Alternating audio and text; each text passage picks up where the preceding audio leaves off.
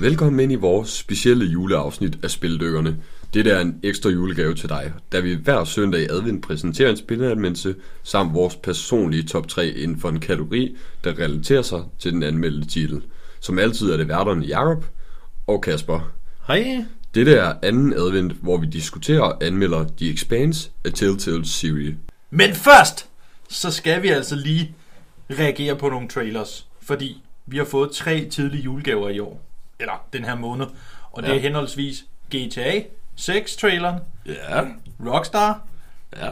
Fallout TV-serien, Bethesda.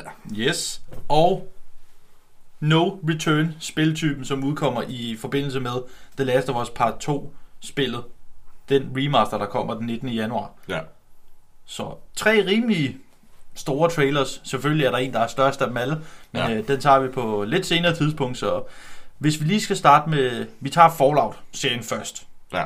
Lad os lige starte med den. Den udkommer 12. april på Amazon Prime. Ja. Og vi to har øh, forskellige forhold til Fallout og Bethesda generelt. Ja. Øh, men hvad... Øh, vi har begge to set traileren, sjovt nok. Ja. Hvordan, hvad var dine forventninger med den her trailer, hvis du havde nogen? Jeg følte, at traileren kom sådan ret ud af det blå. Lige pludselig, bang, trailer var der. Øh, men, men da du så så den, da vi så den, øh, hvad, hvad synes du? Øh, det ser, det ser skide godt ud, sådan rent, øh, det er jo ikke grafisk, men øh, sådan øh, realistisk jo. Øh, for eksempel øh, power armor, man ser det i, det ser mega godt ud. Det skinner, og man ser jo øh, kæmpe robotter, og øh, monster, og ghouls, og diverse raiders, øh, rat roaches. Jeg synes, det ser super fedt ud. Ja, Øhm, spørgsmålet er så bare, om det, de, serien er så god. Det, det kan jo godt være ligesom Halo-serien, der ikke blev særlig godt modtaget. ja. Øh, hvad tænkte du, da du så den? Jamen altså, der er rigtig mange af de gode klokker, der ringer. Ja. Og det er blandt andet Jonathan Nolan, der instruerer den. Ja. Og han har været forfatter på mange af hans storebrors øh, film. Christopher Nolan, for eksempel The Dark Knight, The Dark Knight Rises, The Ja. Prestige og Interstellar. Fire film, jeg synes er rigtig gode. Og Todd Howard er med ind over serien, som står bag øh, samtlige, Beth- eller ikke samtlige, men mange Bethesdas titler. Ja. Og så kom der en meget stor overraskelse, der i starten af traileren, hvor der stod studio bag The Boys. Ja. Og The Boys, det er en fantastisk serie. Ja. Hvis den får den wackiness, som The Boys leverer, stadig i Fallouts univers, så tror jeg, den vil appellere rigtig meget til mig. Ja, og så tror jeg, at det er heldigt, at det er Amazon Studios, der står for det, for de har rigtig mange midler til rådighed, så jeg tror ikke, hvis serien bliver dårlig, så bliver det ikke baseret på, at de ikke har haft pengene eller ressourcerne til faktisk at kunne gøre det real, øh, sådan, til en realistisk serie for øh, sådan, i oplevelsen. Ja. Og en af mine andre optimismer i det her, det er også, hvis Todd Howard har fået nok at sige, for eksempel Neil Druckmann, Ja. han var meget med ind over The Last of Us serien, og det blev en gigantisk succes jo, Ja. øh, for, for at de ikke øh, for, for, for sætter fokus alt for langt væk fra universet og, og så videre og sådan noget. Men hvis Todd Howard har fået den samme øh, frihed, hvis man kan sige det sådan, og, og sit Ja. til at, at påvirke den her serie, så, så tror jeg faktisk, at det, det bliver en ret god serie. Og så tror jeg også, de heldige, fordi jeg, jeg lagde mærke hvis jeg husker rigtigt, så ser man, der står på et af Vault suitsene, at det er Vault 33. Øh, det betyder, at det ikke er en af de kendte Vaults. Øh, det, det er jo sådan noget med de der bokse der, de er eksperimenter, og så er der nogen, der er kontrolbokse og sådan noget. Og 33, det er ikke et nummer, man har hørt om i nogle af lov-stykkerne, der er. Så de kan slippe sådan rimelig godt afsted med, at det ikke behøver at være sammenhængende med nogle af de andre historier, fordi de er jo fordelt ud over hele Amerika i Fallout-universet. Og, og det er jo... Det, det, det synes jeg er rigtig interessant, fordi du har spillet mange Fallout-spil, Ja. også bare Bethesda-spil, Ja. hvor jeg stort set intet har spillet. Altså, jeg har vidderligt snust til Fallout 4, Ja. og så har jeg kun nogle timer i øh, Starfield. Så det, det er ret sjovt at se, fordi du, du har meget lore bag dig, Ja. og jeg har stort set ingen lore bag mig. Så det bliver rigtig sjovt, fordi vi kommer til at anmelde øh, serien i vores, øh, eller i vores øh, podcast. Ja. Det bliver så sådan en, en, en lille hurtig en, der kommer ind imellem vores almindelige spilanmeldelser. Ja. Men, men den skal helt klart anmeldes, fordi den relaterer sig til spil. Ja. Det glæder jeg mig til at snakke om, fordi du har, du har så meget i bagagen, hvor jeg har ingenting. Så lad os se, hvordan den rammer fra de forskellige perspektiver. Det glæder jeg mig også til at, at se. Men på det punkt har jeg jo så også mere at blive skuffet over, end du har, kan man jo sige. Det er så det. Men jeg har også set øh, lidt video fra og, og noget materiale. Jeg har også set dig spille det en lille smule og sådan noget. Ja. Og hvad jeg sådan lige kan se sådan med traileren, den, den, den, den virker til at være ret tro mod universet og stemningen. Ja. Øh, fordi i, traileren starter med en rimelig dyster, øh, øh, rå tone, og så switcher den over i sådan lidt en wagginess. Ja. Men det er de jo også kendt for at have. De har jo både wagginess, men også nogle virkelig alvorlige elementer. Ja, ja, det, det er det Bethesda-spillene, de kan. De har sådan en god blanding, især Fallout-universet. Det ene sekund, så er det trist og dystert, og folk de dør, og det andet sekund, så står du og drikker pisse af en robot. Ja. Og der var nogle, der var, der var nogle ret fede ting i, i traileren, så... Hvad er dit øh, hype-barometer fra 1 til 10? Sådan, lige med Fallout her, nu er de, der var jo allerede snakket om det i 2020, at de var i gang med det. Så jeg har været, sådan mit hype-barometer, det er sådan, vi snakker, for en serie, der er den sådan 9 eller et eller andet. Den, den ligger lige omkring, hvor hype jeg var på, øh, hvad det hedder, The Continental, og den, den var ikke særlig god. Øh, Jeg tror ikke håbe, den har samme resultat som The Continental. nej, det er lige det. Hvad med dig? Ja, jeg ligger nok på en, en, en god syver, men det er igen fordi, jeg har ikke så meget forventet i forhold til loven og sådan noget. Hvis jeg vidste mere om spillet og om universet i sig selv, så havde jeg nok været lidt højere op, hvis øh, man kunne relatere til meget af det. Der er sikkert en masse referencer i traileren, som jeg ikke ved, altså jeg, jeg har lagt mærke til. Så jeg er på en syver, Ja. så jeg bliver måske nok ikke lige så skuffet, hvis det ender med at blive en katastrofe. Men øhm, så lad os tage The Last of Us. De Ja. ja. lancerer en helt ny roguelike survival game mode Ja. sammen med spillet, der Ja. udkommer den 19. januar. Og hvis vi lige skal tage en lille hurtig bonusinfo, det er, da etteren kom i remastered udgave, der skulle du betale fuld pris for at få det Yep. uanset hvad. Det de har gjort her i toren, hvilket jeg synes er rimelig genialt, det er, hvis du har den digitale udgave til PlayStation 4, så Ja. kan du opgradere for omkring 70 kroner. Hvis du ikke har det, så skal du selvfølgelig erhverve dig det øh, til fuld pris. Men det synes jeg også, at det er værd, Ja. hvis du ikke har spillet det før. Hvis du har spillet det før, så vil jeg nok vente på tilbud. Men jeg har det, så jeg skal selvfølgelig have den, øh, Selvfølgelig. den upgrade. Men en roguelike survival game mode til The Last of Us. Du har jo ikke spillet nogen af dem som sådan. Nej. Men jeg, jeg så det, og jeg tænkte, fuck, det ser fedt ud. Ja. Det, jeg blev sådan uh, småtændt over det. Jeg tænkte, fuck, det er nice. Det skal jeg da helt sikkert prøve, når det er. Og roguelike er en ret ny genre for mig, faktisk. Ja. Altså, det, det eneste, jeg har spillet, det er Hades. Ja. Jeg har ikke spillet så meget. Jeg skal have spillet det mere. Og så har jeg spillet en del Vampire Survivors, som er faktisk rimelig godt spil. Ja. øh, på trods af dets grafik og så videre. Og så har jeg lagt nogle del timer i Returnal. Men ikke nok med, at det bare var et roguelike, det var også sådan umenneskeligt tavligt svært. Altså, det var helt sindssygt. Ja. Jeg nåede til biome 2 ud af 6, fordi jeg, jeg kunne ikke. Det er fucking svært. Men, hvis der sidder en lytter derude, og ikke lige ved, hvad roguelike er, vil du så ikke lige forklare, hvad det er? Hvis Det du ved det. Jamen, uh, roguelike-genren, det er, når du dør, så starter du forfra i spillet. Basically, er sådan groft sagt, det er, du dør, du starter helt forfra. Tilbage til et. Uh, og, og så er der noget, der hedder light roguelike, som er, hvor du får lov til at beholde nogle ting, men du bliver stadig smidt tilbage til starten. Det er, en, det er jo en semi-ny kategori inden for spil. Øhm, så, men det, jeg tror, det startede med, hvad fanden er de hedder, Dark Souls-spillene i sin tid. Det var dem, der definerede genren roguelike. Men er det ikke mere en Souls-like? Jo, de, det var igen det, er det samme studie, der begyndte på det. Øh, men jeg er ret sikker på, at det er der, hvor, hvor det hele det er sådan det, der startede op med, du starter forfra. Ja. Altså, jeg glæder mig rigtig meget til at vende tilbage i det der øh, univers. Også fordi det er en form for ny motivation. Det er ikke bare altså, det samme spil. Der kommer noget nyt blod til det. Ja, Og noget af det, der var, jeg lagde allermest mærke til i traileren, det er, at selvom det er en ny game mode, som måske afviger sig ret meget fra historiens perspektiv, så alle mechanics, alle gameplay-elementer og sådan noget, øh, er ens. Ja. Der er ikke speedet op på nogen måder, eller at du lige pludselig har nogle andre former for combat-systemer eller eller andet, fordi de skal tilpasse den her roguelike. Det ser stadig præcis, øh, det ser stadig det samme ud, Ja. selvom det er en helt ny øh, game mode. Og, og jeg, altså det, jeg glæder mig rigtig meget til at prøve det. Jeg ved ikke, øh, men ja, du siger jo, du blev tændt af det, selvom du ikke har spillet så meget af det. Ja, jeg, jeg, jeg synes, det så super fedt ud. Øh, jeg kunne godt lide ideen om det. Ja. Og især fordi, at det er et spil, der passer rigtig godt ind i sangeren, tror jeg.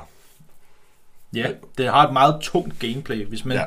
hvis man skal sammenligne gameplay med noget, så det, det kan jo godt minde lidt om Resident Evil 4 remaket. Det er sådan lidt, Ja, lidt tungt, og, og måske kan man føle, det er lidt sådan clunky, men det synes jeg ikke, det er. Jeg synes bare, det er måske mere en realistisk tilgang ja. til, hvordan en person vil bevæge sig i virkeligheden. Ja jamen, der er jo det der med, hvis du reloader bag ved en væg, kan fjenderne jo høre det, Ja. øh, og så vil de reagere på det. Sådan nogle ting. Der er jo kommet en masse nyheder ud om det allerede. Ja, Det har fire. Det, har, det er faktisk en relativt stor game mode allerede fra starten af, for der kommer fire forskellige øh, udfordringstyper. ja, med 10 forskellige øh, spilbare karakterer. Ja. Og de er, altså der er jo, hvad hedder hun, øh, Ellie og Abby, Ja, det er de to hovedpersoner i, i øh, toren. Ja. Og det er dem, der man også starter med at kan spille som. ja, Og så på sigt, så vil du så kunne låse op for nogle af de nyere. Og det er Dina, Joel, Tommy, Jesse, Lev, Yara, Mel og Manny. Alle sammen fra The Last of Us Part 2. ja, Men hvis man har spillet kampagnen, så ved man 100% hvem alle er, som jeg lige har nævnt. ja, Og hvad de gør, og hvad de er til dig som person. Fordi de er alle sammen vigtige for kampagnen. ja. Men øh, det er jo faktisk en ret omvendt version af Fallout. Her har jeg rigtig meget lore ja. og viden bag ikke- spillet, hvor du, det har du ikke. ja. Så hvad er dit hypebarometer her på den her? Øhm, sådan, jeg ved, hvor, øh, øh, hvor godt du synes spillet er, og jeg ved, jeg skal jo selvfølgelig have det spillet. Men øhm, game-moden ser rigtig fed ud, og grafikken er jo selvfølgelig fed, som de har været i alle andre spil, så jeg tror nok, den, den ligger på sådan en 7'er. Ja. Hvad med dig? Det er 10? Nej, Nej, okay. det er, det, det er nier. Og det er fordi, jeg er bange for, at jeg måske godt kunne ende med at faktisk gå lidt død i, i spiltypen. Ja. I længden. For uanset altså universet, æstetikken rundt om, alt det der elsker jeg jo. Ja. Men jeg er ikke sikker på, at det er en, en, en spiltype, der vil holde mig kørende i, i et længere løb. Også fordi det er en singleplayer-oplevelse oveni, så du kan faktisk ikke spille det med dine venner. Ja.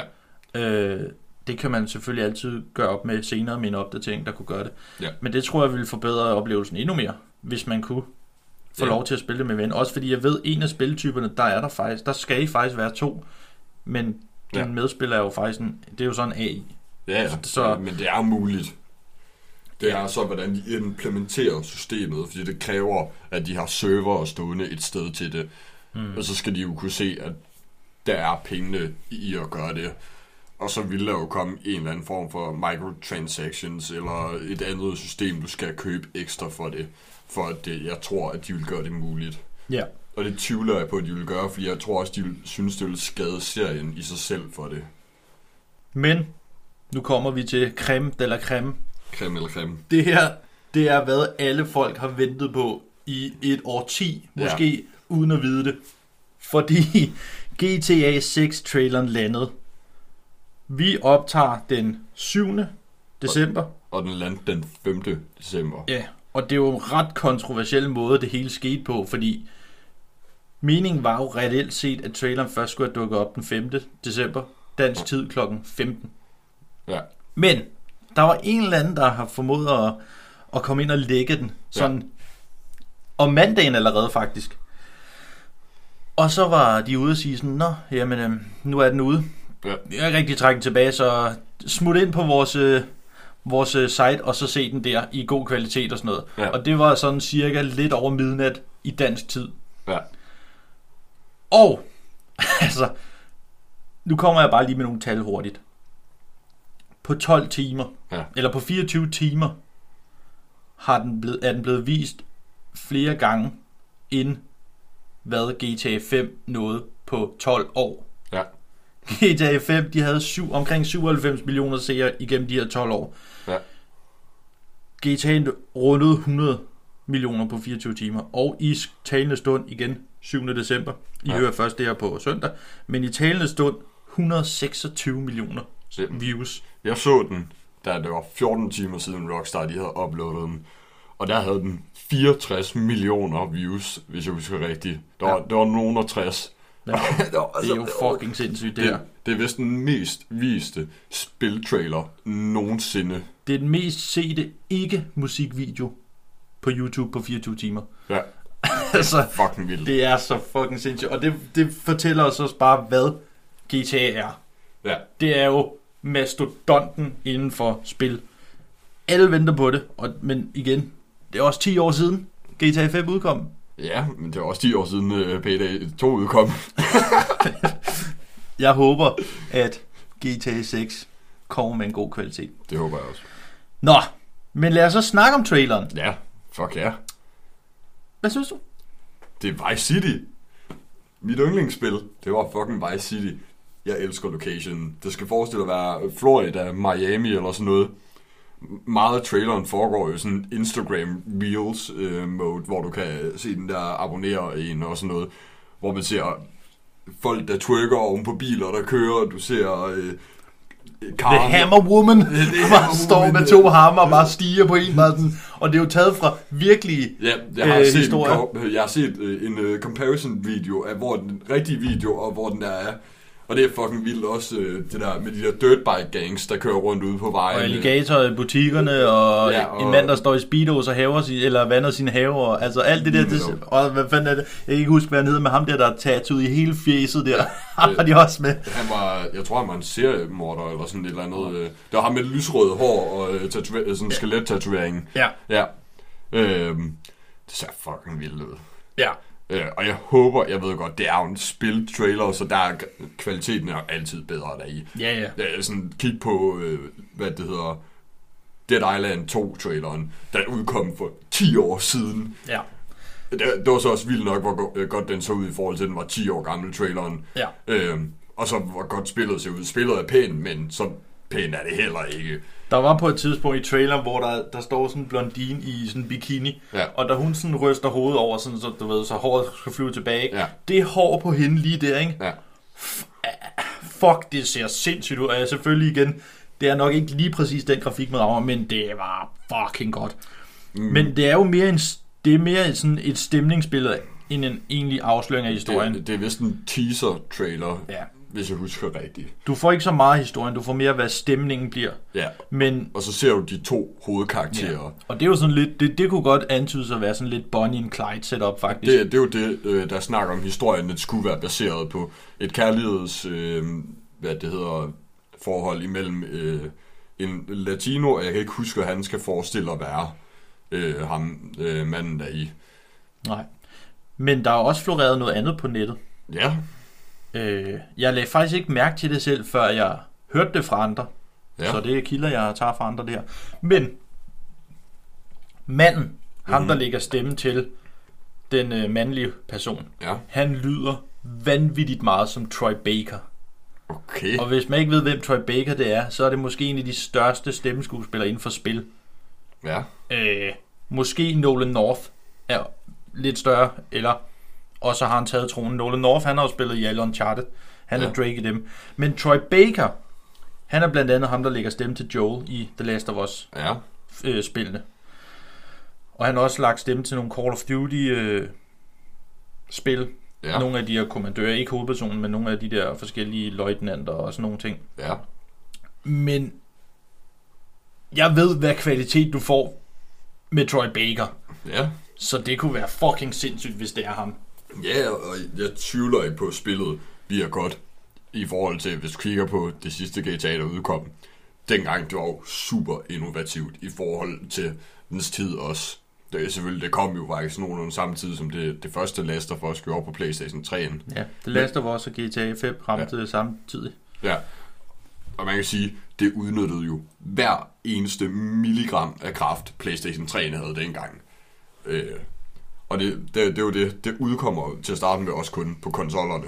Ja, Øh, og så PC, det må lige vente lidt. det, det tror jeg, det bliver sådan noget, der går et halvt år, års tid, før det er. Ja, men hvis man kigger på Red Dead Redemption 2, så gik der faktisk tre år fra det ramte PC, så Ja, det, det, det kan være, de er større, altså der er trods alt 10 år siden, så det kan være, de, de har arbejdet- lidt mere på det, så man ikke skal vente tre år, men alligevel, ja. Det vil være sindssygt. Men de gjorde jo også det samme med GTA 5. Der gik også halvanden år eller et år eller sådan noget, før det er, det udkom på computeren. Øhm, men jeg tror også, det har noget at gøre med den måde, man optimerer spillene på. Plus jeg tror, der er et større marked på konsollerne for lige præcis Ja. den slags spil der. Ja. For man kan sige, jeg tror, alle jeg kender, de ejer GTA 5 til konsollen. Eller har gjort i hvert fald. Og det har jeg også personligt, plus jeg har til PlayStation 3 og til min computer, kan man sige.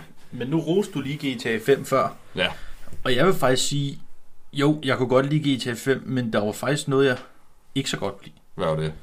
At man var tre personer. Nej, det kunne jeg heller ikke lide. Øh, men Jeg følte ikke, der var nok dybde i det med de tre personer. Ja. Øh, det, det switchede for meget. Og så, ja. Men, og det gør faktisk, at jeg, jeg, kan bedre lide, jeg kunne bedre lide GTA 4 faktisk. Altså jeg er godt klar over, at det var mere realistisk, femmeren, og Ja. det var mere innovativt og alt sådan nogle ting, men sådan selve grundessensen med historien og personskikkelsen og sådan noget, der kunne jeg faktisk bedre lide 4'eren. Og jeg elskede Nico Bellic. ja. Øh, Helt vildt. jeg var ikke så glad for 4'eren. Nej, Øh, men jeg, jeg tror, det var for gritty og for mørkt, og jeg havde en... Det havde sådan, jeg synes bare, det havde sådan en dyster stemning i forhold til de andre spil. De har været meget farverige og solrige og sådan noget. Men hvis du også er, hvis du, dit yndlings er Vice City, så kan jeg jo godt forstå, at det her Florida vibes også rammer dig meget. Det rammer mig sygt meget. Det, var, ja, det er det, jeg har gået og håbet på i altid, det er fucking Vice City. Men jeg kan godt lide, at de rammer et midtpunkt, så, ja. Ja. altså, så vi kører to karakterer, fordi det tror jeg godt, du kan få nok dybde med. Ja. Det øh, synes jeg i hvert fald, Spider-Man 2 lykkedes ret godt med. Ja, t- jeg, jeg synes, at du var den ene karakter mere end den anden. Sådan, det kan godt være, at det bare var mig, at man godt kan spille det meste af spillet som en karakter. Ja, altså man kan sige, der er nogle missioner, der var myndet på diverse, altså på den ene Spider-Man og på den anden Spider-Man. Det kan godt være, at der var lidt flere missioner til Peter, men det er jo også den rigtige Spider-Man i Ja, ja. verden.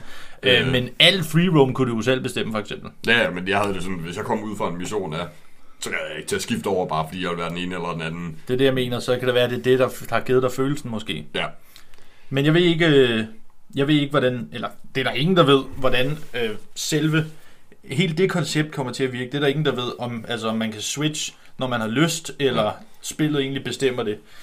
Så det er også øh, ret spændende. ja, Men øh, der var en ting, der gjorde mig en lille smule skeptisk. ja. Og det er, at jeg er bange for, alt det so me shit kan gå ind og ødelægge oplevelsen. Og so me, det er sociale medier, ja. Hvis man er i tvivl om det. Men jeg, altså, jeg, i traileren synes jeg, det var fedt at se måden, de havde inkorporeret med, Ja. med hvad hedder det, alle de der historier, også fordi det, det, de har faktisk taget virkelige historier, eller virkelige clips. Ja. og inkorporeret det på deres egen måde. Det var meget fedt, men jeg er bange for, at det måske vil kunne gå ind og overtage alt for meget ved spillet. Øh, men igen, det er jo det store hit i virkeligheden, altså So Me. Ja, øh, Øhm. øh, ja, det skal ikke undre mig, at der kommer sådan nogle cloud-missioner, hvor du bare skal ud og samle cloud og optage videoer, og så stå og post foran et eller andet. Men hvis de laver det til vanvittig satire, som de har gang i i den trailer, Ja, så øh, tror jeg, det kan blive ret godt.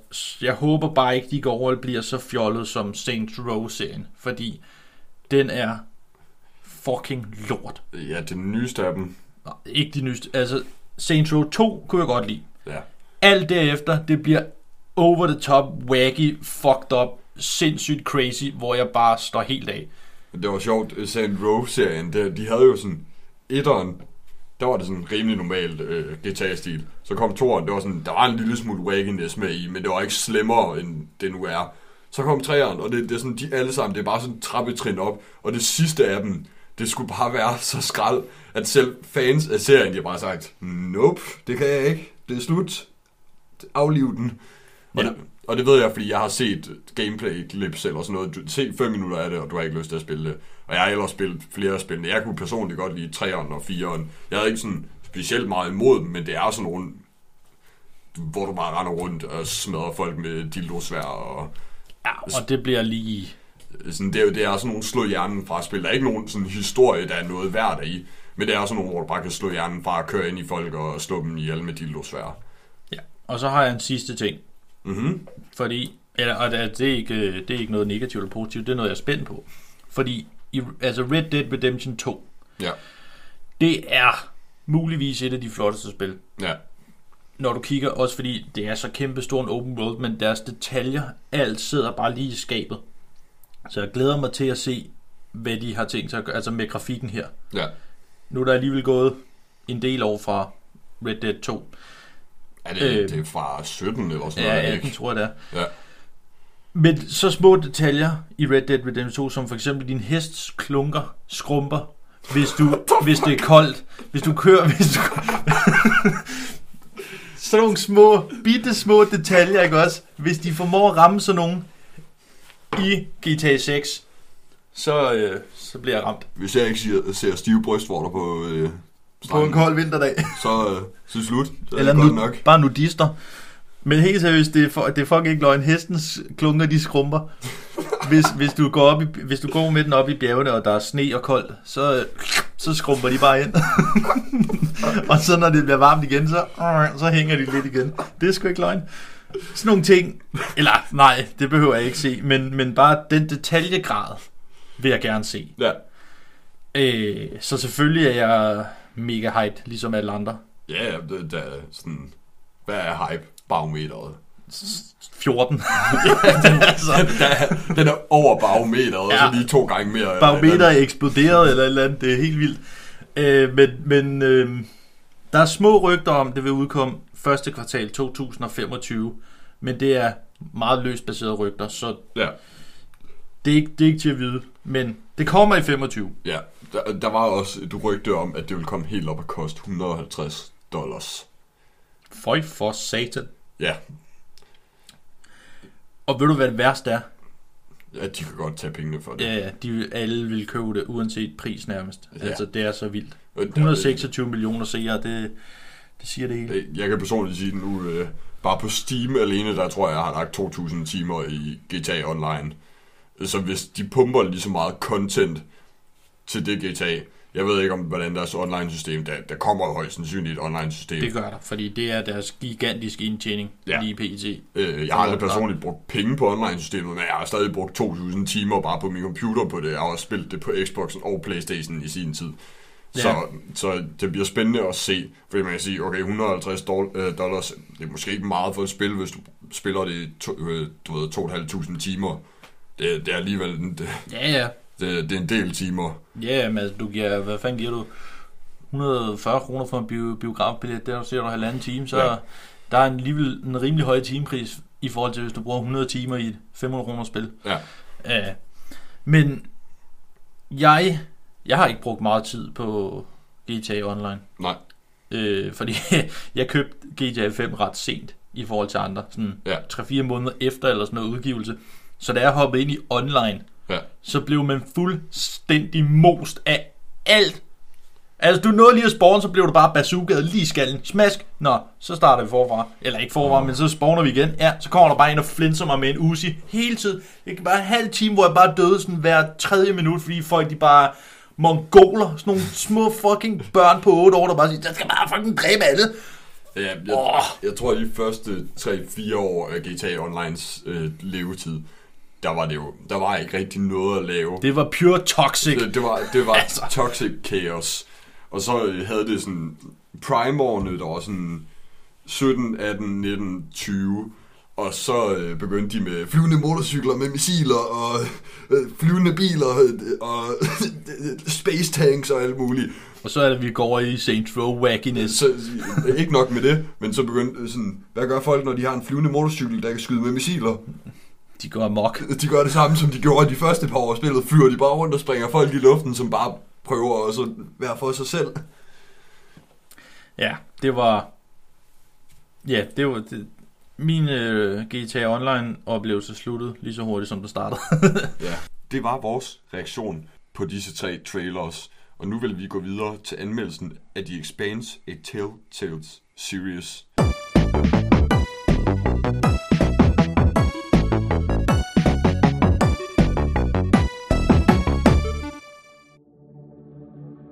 Telltale Games har oplevet varierende udfordringer i en længere periode. Grundlagt i 2004 fik studiet først for alvor sit gennembrud i 2011 med udgivelsen af The Walking Dead, der blev en massiv succes takket være den imponerende historiefortælling. The Walking Dead blev velanskrevet med fire sæsoner og opnåede stor popularitet blandt fans. Et yderligere hit fulgte med, The Wolf Among Us, der byder på en fantasiverden med væsener, hvor man spiller som Sheriff Bigby Wolf og skal opklare mor og lignende. Udover disse titler har Telltale Games udgivet episodiske spil som Batman, Minecraft og Tales from the Borderlands. Men i 2018 oplevede studiet en større nedtur, hvor Telltale Games annoncerede sin lukning og afskedede 90% af personalet uden forudgående advarsel eller fratagelsesgodtgørelse. Et lille team blev tilbage som et skeleton crew for at færdiggøre arbejdet på Minecraft Story Mode. Rettighederne til Telltale er senere blevet erhvervet af Otilier og LCG Entertainment, og nu forsøger de at genoprette virksomhedens retning. Ikke desto mindre rejser spørgsmålet, er Telltale Games virkelig på vej tilbage? Dette bringer os til det nye udgivende spil, The Expanse af Telltale Series. Men er studiet på vej tilbage, eller er der gået hul i rumskibet? Det vil spildykkerne finde ud af nu. The score drummer. This is the greatest score any scavenger has ever come across. It is a remarkable story you have. Betrayed by Dawes, betrayed by Cox, betrayed by your own crew, yet you still care. Captain Drummer, what are your orders? Please don't hurt me. From everything you've seen out here so far, how do you think this really ends for us? Convince me your life matters, and I will let you live. Sivaratna told you we couldn't trust her. Give me one reason I shouldn't leave you here to fend for yourself. Jakob, hvad er din erfaringer med Telltales Games? Ja, øh, det er, at de plejer at være rigtig gode til historie. Det, det, det tror jeg, det er det, jeg kender dem allermest for. Det er historien, og så deres grafik-engine, de har brugt igennem altiden, ud over dette spil. Meget anderledes. Ja, meget anderledes. Øhm, de bruger Unreal Engine nu. Om det er en god ting, det kan vi komme ind på lidt senere, men øhm, deres ikoniske grafik, der jeg vil kalde tidsløs. Du kan jo gå tilbage og spille et af de originale Left 4 Dead, nej undskyld, The Walking Dead øh, spil. Og Ja. der, der vil jeg sige, det virker ikke outdated af den måde, det er spillet eller lavet på. Nej, fordi det, er jo, det har jo altid... Altså, det har jo ikke som sådan et flow i grafikken. Det har altid været på en måde clunky. Ja. Og grafikken er en bestemt tegnefilms eller tegneserieagtig stil, så om 30 år vil det stadig kunne være spilbart. Ja, det har sine øh, sorte outlines rundt ja. om Ja. alting, og det, jeg tror, det er det, der gør det så tidsløst. Øhm, jeg har personligt har jeg spillet The Walking Dead. Øh, jeg tror kun, jeg har øh, spillet den første sæson, hedder det. Øh, The Wolf Among Us. Øhm, Poker at the Inventory. Det er nok ikke et, du kender. Nej. det er et af de ældre spil, de har lavet. Øhm, ja, så har jeg spillet The Expanse. Så ja, det siger mig ikke lige, om der er flere af dem, jeg har spillet. Jeg ved, de Har du ikke også spillet et Borderlands af dem? jo, jo, ja, det har jeg faktisk spillet i år. Det er ikke Ja. super lang tid siden. Undskyld, det var lige mig, der havde glemt det. Ude af det. Øh, Hvad med dig? Hvad har du øh, spillet af spillene? Jamen, øh, helt tilbage i 2011, da The Walking Deads første sæson udkom, der spillede jeg det. Ja. Og jeg var ikke så gammel, så jeg forstod det ikke rigtigt. Sådan historiefortælling og hvad dybde det havde. Men senere hen har jeg spillet det, og så har jeg spillet alle fire sæsoner. Øh, og jeg må bare sige, det, den serie er altså historiefortælling på allerhøjeste plan. Ja, Og det er et af de spil, selvfølgelig, det, det kan jo, som, som du siger, ikke blive sådan outdated på grafik, men det fortæller også bare, at grafik er ikke alt. nej, Altså, et grimt spil kan også være godt, hvis man kan sige det sådan. ja, Det skal så lige siges, at jeg er en sokker for deres grafik. Jeg elsker den der tegneseriestil. Og det Ja. er det samme med altså Borderlands-serien. ja, Er jeg også fuldstændig vild med i deres øh, design. ja. Og det, jeg tror, det er det, der virker så godt ved, at de lavede en version af Borderlands, der også er story-based, fordi at Ja. det, det tror jeg, det hænger rigtig godt sammen, fordi du kan næsten ikke se forskel på det. Og så har jeg faktisk først spillet The Wolf Among Us, også i år. Ja. Øh, og det er edderråd med også godt. Ja. Det må jeg bare sige, det, det har jeg også været stor fan. Så jeg har faktisk, øh, så det, nu, det er sådan min erfaring med det. Jeg har faktisk ikke spillet Batman og de andre. Og det, jeg har det liggende, jeg har bare ikke fået spillet det. Jeg synes øh, hele tiden, man har travlt. Ja. Det er selvfølgelig gammelt efterhånden, så man, man burde have haft tid på et eller andet tidspunkt. Men, men jeg har bare været en sokker for AAA-spil og FIFA, Call of Duty og sådan noget, så, så jeg har bare øh, lagt de der ting til side. Det, der har gjort, at jeg har spillet The Walking Dead, det er, at jeg har en eller anden form for fetish for zombier. Ja. Og så kan jeg pisse godt lide tv-serien The Walking Dead. Uh, der er nogle sæsoner, der er lidt hen i vejret og kedelige, men, men alt i alt synes jeg, det er en meget god serie. Så det er grunden til, at jeg kaster mig ud i The Walking Dead. Og så efterfølgende har jeg jo så bare hørt, hvor godt The Wolf Among Us var. Ja. Så derfor så tænkte jeg, at det skal jeg også have prøvet at spille. Men det kan jo så lede os hen til øhm, Telltales. Ja. De expands her. Ja. Øh, ny motor, som du siger, Unreal Engine, det vil sige, det er ikke den tegneseriestil, som vi kender, og det er et meget mere, hvad skal man sige, smooth spil. Altså alle deres bevægelser og sådan noget er relativt normale. Sådan, det er ikke så hakkende-agtigt, eller hvad man skal sige. Øhm, men, er det et godt spil? Hvad synes du? Jeg synes, at... Jeg vil godt bare lige pointere på den der engine. Jeg synes ikke, Unreal Engine, den gør det godt for spillet. Nej. Jeg Enig. synes, jeg synes mildest talt, det er grimt. Øh, jeg, jeg føler, når du sidder og ser de forskellige ting, det er jo, det er jo et tiltale, så det, det er jo meget som en levende cutscene, du bestemmer. Og det hele, det virker som en cutscene for, vi snakker 2008-10 stykker, øh, hvis du spørger mig. Og så er det som om, at når du går på de åbne steder, at der ikke at der er, jeg, jeg tror, jeg vil kalde det frame drops, men der er sådan stotter øh, på det. Jeg ved ikke, om det kun var mig, der oplevede det. Øh, fordi vi har jo spillet det på den øh, samme maskine, kan man sige, og Ja. ja. der var ikke nogen performance mode eller lignende. Så skal det være på det tv, jeg har spillet det på. Det, det er det eneste, jeg kan se, der skulle have gjort forskellen. Hvordan øh, havde de det? Jamen, hvad mig bekendt, så har du spillet det på 65 tommer tv'et. Ja. Hele vejen igennem. Ja, Jeg har spillet på 75 tommer. Nogenlunde samme specs. Ja. Måske en anelse bedre. Øh, men der var lidt, ja, øh, stotters, og øh, jeg vil til gengæld beskrive det her ord, eller det her spil med, med få ord. ja, Og det er, det mangler simpelthen DNA.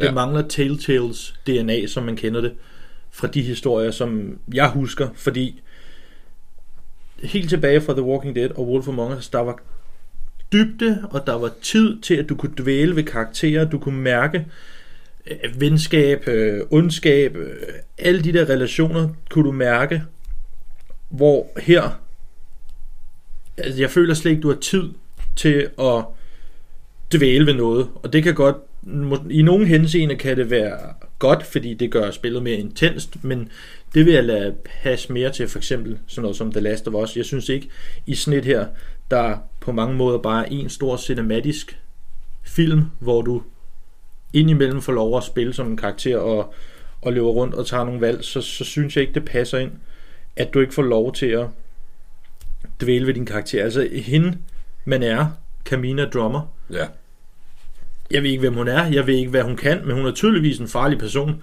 ja. Øh, der, jeg, mange af gangene, der, der, der mangler plothuller. Altså, Der hvordan mangler- når vi hertil lige pludselig? Det er som om spillet lige mangler øh, kvarter 20 minutter mere gameplay, og det kunne det sagtens have brugt, fordi alle episoder var ingen tid. Nej, det, det, jeg brugte 3 timer og 45 minutter på spillet på over 5 episoder, og det, hvad er det, det er en gennemsnit på 45 minutter per episode. Ja, og normalt var de omkring halvanden time eller sådan noget. Ja, jamen, det, de tidligere spil. Jeg spillede jo Borderlands der øh, tidligere på året, det er kun et par måneder siden, og der er to, der var fire episoder, men til gengæld to hver episode to og en halv time. Ja. Så det var alligevel, det var 10 timer, men der var ikke et sekund, hvor man tænkte, ej, kan den her episode ikke snart være færdig, eller tænkte man, fuck man, er den allerede færdig. Der var det bare, der spillede du bare og tænkte, åh oh shit man, jeg har brugt to og en halv time, mand. Og her har en helt omvendt øh, oplevelse. Det er sådan, da episoden slutter, så siger Hvad sker, altså, er vi færdige nu? Hvad, du, jeg har jo ikke øh, oplevet noget, altså. Ja, den første episode, den føles som om, den tager 10 Ja. ja. minutter eller et eller andet. Det er helt vildt. Og, og altså... Og jeg synes... Jeg ved ikke, om de tror, jeg kan spansk, eller hvad fanden det er for en sprog, fordi der kommer alle mulige mærkelige øh, ord, og de, som da vi anmeldte Assassin's Creed Mirage, der snakker de arabisk tit, men der kom trods alt sådan en engelsk oversættelse. Det kommer der ikke her. Den her gang, der Jeg skal- får du bare sådan en masse, øh, at du bare har smadret fingrene ned i tastaturet, og så er det bare random bogstaver, der er. Nogle af ordene kan jeg gætte mig til, okay, i den her kontekst betyder nok dit møgsvin, eller et eller andet, Men, men, Øh, sådan, men, fuck. men, men stadigvæk, altså, jeg kan sgu ikke spansk. Det kan de ikke tro, jeg kan. Det er heller ikke spansk. Jeg tror, det skal forestille enten du er fra Mars, og så er der dem, der hedder bæltere. Ja, Og bæltere, det skal være sådan nogle kolonister eller sådan noget. Der mangler en del der i, fordi du kan samle, der er nogle breve og sådan noget, men jeg, jeg læste altså alle de der breve igennem, fordi jeg, jeg prøvede at samle noget lore op. Øh, øh, jeg fandt en, hvor der var sådan en lille øh, sådan sketchtegning, lægetegning, hvor der var en, et menneske, der var det laveste. Så var der en Marsbor, det var, de var sådan mellemhøjde på 2 meter, og så var der en bælter, og de var sådan 2 meter 70 eller et eller andet. Det er det tætteste på, jeg kom på lov på at finde ud af, hvad forskellen på en bælter, en inder og en øh, margin er. Ja, og det, altså, det, er jo en, det er jo faktisk en prequel til den tv-serie, der kører på Netflix. Men den har jeg ikke set. Det er jeg heller ved heller ikke, om der er nogen af karaktererne, der går igen eller et eller andet. Men jeg, men jeg tænker, altså... Også, de bruger også bare sådan nogle slangudtryk, og jeg synes slet ikke, det passer ind i det her univers. Altså både i rummet, som vi er, men også bare Telltales. Altså, den respekt, de har for historiefortælling, og, og det, de kræfter, de ligger i, dem kan jeg slet ikke mærke Nej, på nogen måde. Og, og det med stort set alt ja. i det her spil. Jeg er, og jeg, jeg vil sige, det, jeg har ikke lyst til at række ned på det, fordi jeg, jeg elsker deres tidligere titler, og jeg, jeg vil ønske, at jeg også elsker det her. Ja, For jeg kan så godt lide den her form for formidling af historie. ja. Bare Øh. ikke, når det er lavet sådan her. Nej, det, det, det, det er en ærgerlig ting, at de har lavet det. Og det der, det der er interessant ved det er, det er jo, det er jo i rummet, og man skal, uden at spoil for meget i historien, det, du kommer ud for situationer livsfarligt og sådan noget, men du får ikke følelsen af, at du faktisk er i fare øh, på noget tidspunkt. Øh, det føles ikke intenst, når det skal føles intenst. Øh, Der er Så- på et tidspunkt, hvor hun, øh, hende man er, hun øh, er ved at løbe tør for ilt. ja, Men den konsekvens kan du ikke mærke. Du, du er ikke tidspresset eller noget som helst. Du har stadig alt den tid i verden til at løse den her puzzle, eller hvad det nu end er. Ja. Der er ikke noget med, om, om, om hvis de så bare lavede måske en eller anden form for quick time event, der ville skabe noget intenst øh, i det, ville måske for mig at se gøre det bare lidt bedre, men, men altså, også selv fordi jeg, kunne- jeg kunne ikke, det tog mig tid at, at lave den her puzzle, men, men jeg, altså, jeg kunne have lagt min controller, og så kunne hun have stået der i 8 timer, og Ja. der ville ikke have sket noget som helst, så, så det er rigtigt, der er ingen, jeg føler ikke, der er nogen konsekvens ved spillet. Jeg tror, den Øh. samme puzzle sad jeg fast i, og jeg sad fast i den i en halv time, hvor jeg bare rendte Ja. rundt og kiggede ud i luften som en eller anden idiot, indtil jeg først lukkede jeg spillet ned, og så ventede jeg en dag, og så dagen efter, gik jeg i gang med det igen, og rendte rundt i et kvarter, og så tænkte jeg, okay, nu åbner jeg YouTube for at finde. Øh, og det var ikke, fordi du fik nogen ledetråde. De var sådan, "Jamen, prøv at kigge rundt efter løsningen. Og du kigger rundt, og der er bare en milliard ting, men du kan ikke interact med noget som helst. Nej, og, og de valg, du skal træffe i det her spil, altså de der helt store valg, Ja, ja, de har jo en konsekvens, men for mig lå der ingen følelser bag det. Altså, jeg var pisse ligeglad, om jeg skulle tage det dårlige, hårde valg, eller dårlige valg, eller hvis der overhovedet var rigtige eller forkerte valg, for eksempel. Men, men det, altså, jeg var ikke investeret i det her spil, og det er ikke fordi, jeg ikke har prøvet, vil jeg gerne have lov at sige. Men de, de, de har simpelthen, øh, og det kan også godt være, at den her turbulente historik, de har haft, som jeg nævnte i introen, har, har gjort noget. Men det er satanede mig ikke godt, og jeg er meget bekymret for fremtiden. ja, Øh, og hvis jeg lige skal sætte nogle ord på den der spilmotor, ja. så øh, altså jeg kan jo godt jeg kan jo godt lide der kom noget smoothness indover, men jeg synes ikke, de udnytter det nok til at skabe nogle intense sekvenser, som øh, altså, man kunne have ja, det ved jeg ikke, måske have lavet nogle øh, fede, øh, hvad hedder det, rums, rumskibskampe eller et eller andet. Det er der lidt af, men, men det er med lavet sløjt.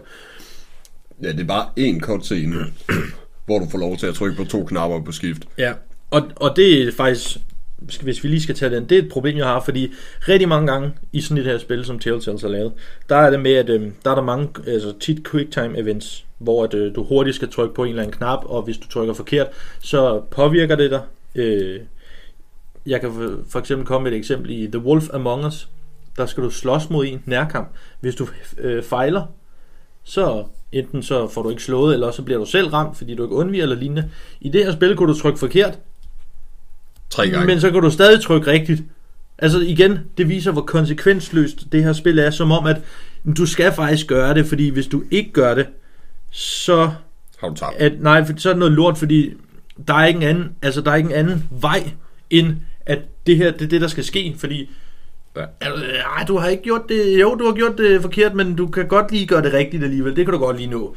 Ja. Så, så, og igen, det er også bare konsekvensløs, og det er trist, fordi der var så mange konsekvenser i de andre spil, og det er det, du skal mærke. Du skal, du, følelserne skal sidde ude på dit tøj. Du skal altså nærmest græde, hvis en karakter dør, eller Ja. hvis du selv står og skal tage det svære valg og skyde en eller anden, eller slå en eller anden, altså et eller andet. De der valg, altså du skal nærmest, når du er ved at trykke på den knap, der giver dig det valg, skal du nærmest altså ramme en eller anden usynlig mur, fordi du har ikke lyst til at tage det valg. Ja. Og alt det mangler i det her spil. Ja. Øh, for mig. Jeg fik følelsen af, at man var en, øhm, i hvert fald den første episode, der var du bare en øhm, skolegårdsbølle, og så skulle du bare rundt og mobbe alle andre på rumskibet. Øh, det, det var simpelthen det, det, fik du ikke den følelse lidt? Jo. Øh, Så, så skulle lige, om, så går du hen til ham der. Ah, mobber vi lige i to minutter. Nå, nu er jeg færdig med at mobbe dig. Hey, du derovre. Opfør dig dårligt. Nej, tænker jeg nok. Og så videre. Og det var egentlig bare rundt assert dominance. Men der var ingen følelse i det, fordi at du ved ikke, hvem karakteren er. Og så er det godt være senere hen, du lærer karaktererne, men det, er sådan, det virker sådan lidt, okay, så var jeg nederen over for den person, men det er en af dem, der var god over for dig, og så er jeg nederen over for den person der, men okay, han var så også nederen, men det kan jeg jo ikke vide øh, før om tre timer i slutningen. For det virker til at være den sidste episode, der sker al karakterudviklingen, sådan, men det hjælper bare ikke, når at, på det tidspunkt, der er det basically for sent. Og, der, og der er seks karakterer ud over hende, du spiller på det her rumskib. Og du har, som igennem vores indspilling, har du et sted mellem 3 og 5 timer til at lære seks mennesker at kende. Det er ikke lang tid. Og hvem skal du... Altså, du når ikke... Ja, du når bare ikke... Jamen, jeg føler lidt, jeg kører i ring nu med, og, med mine meninger, men det... Der er ikke engang ikke hovedpersonen, følte jeg noget for, eller synes var sjov. Hun havde en irriterende stemme, og ja. en irriterende accent. Ja. Øh, og, og der var kun én person, hvor jeg tænkte en lille smule. Og det var en, der hedder Maja. Ja. Resten var fuldstændig ligegyldigt for mig. Og der er en sekvens med hende, du spiller, og Maja, hvor at, øh, jeg vil ikke spoil den helt, men det er en samtale, de har, og jeg tror fra den samtale går i gang, og 30 sekunder inden, der sad jeg trods alt med en følelse og tænkte, well, that escalated quickly, og måske ikke på den måde, jeg tror i forhold til slåskamp, men, øh, men noget andet, mere intimt. Der bliver, der bliver nævnt slåskamp, men så går det fra slåskamp til noget helt andet, ja. øh, sådan fisting. Og det var, det var, jeg sad faktisk lige der og tænkte, hold da op. Jeg tror lige, jeg skal finde hendes værelse. Det er også fordi, man har ikke kunnet mærke det forhold til hinanden så, imellem karaktererne. Før det var sådan, hvad, hvad sker der lige imellem os? ja, det Øh. eneste mig, hun siger, det er bare, øh, lige siden jeg så dig første gang. Og så tænker man, ja, og hvornår var det? Og hvad, hvad, hvad, hvad er historien? Altså, Hvor lang tid har vi været på skibet? Siden 2012? og så, så er der, der er nogle ting, der ikke giver mening sådan logisk for mig. Det kan være, det kan være at det er min inkompetence inden for, lad os sige, øh, læge og altså hospitaler og så videre og så videre, men skal ikke komme og fortælle mig, at der er en person, der bliver skudt i overarmen Med en pistol. med en pistol, En gang. hvor de...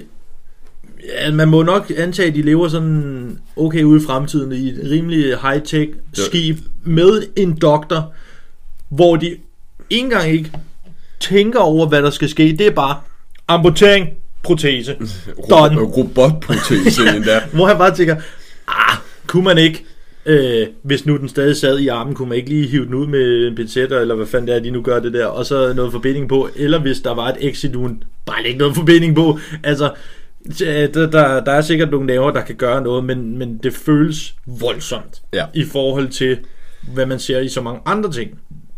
Ja. Hvorefter en person bliver skudt i hoften og dør. altså, det, det virker bare ret ulogisk, øh, at det skal ske. Øhm, og, og, og så vil jeg så lige sige, når du nu er ude i det, de kalder zero gravity, Ja. og skal undersøge nogle ting, så er der også lige der. Ja. Det er vist heller ikke så godt lavet efter min mening, er det det? Altså, de er, jo, de er jo statuer. Ja.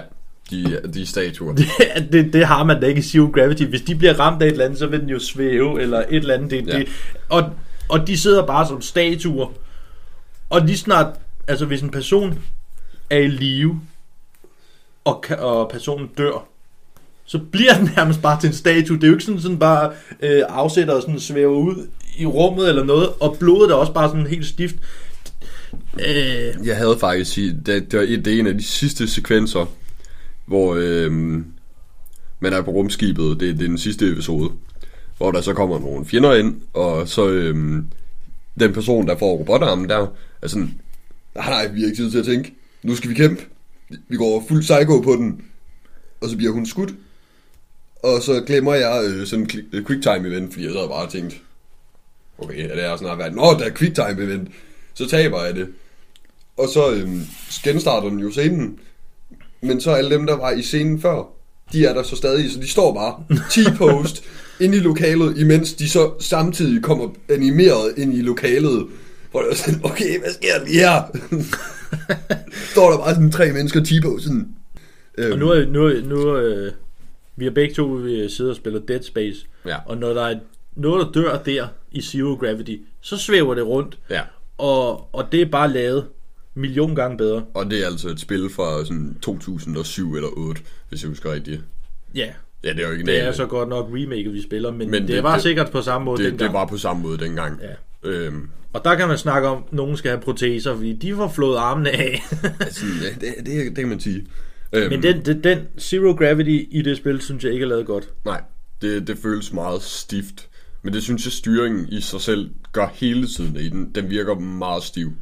Du, hvis du lagde mærke til det, du kunne ikke gå øh, skråt, du kunne gå til siderne, og så kunne du gå lige ud. Mm. Der var ikke noget øh, flydende bevægelse i.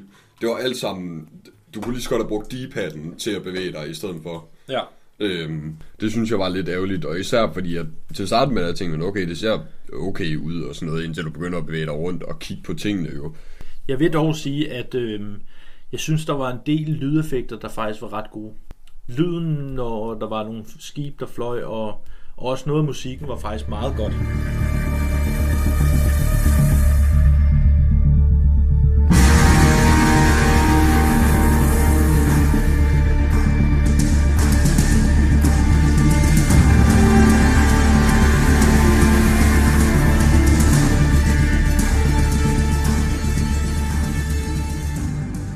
Har der trods alt lagt noget i, men jeg er, jeg tror også bare, jeg er, jeg kan godt lide den der rumsætning, sådan. Ja. i lyden.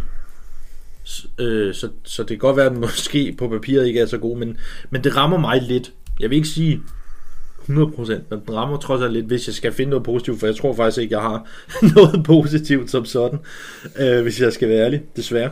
Ja. Men der er også noget, altså jeg, og igen, det er igen øh, Lord, der mangler.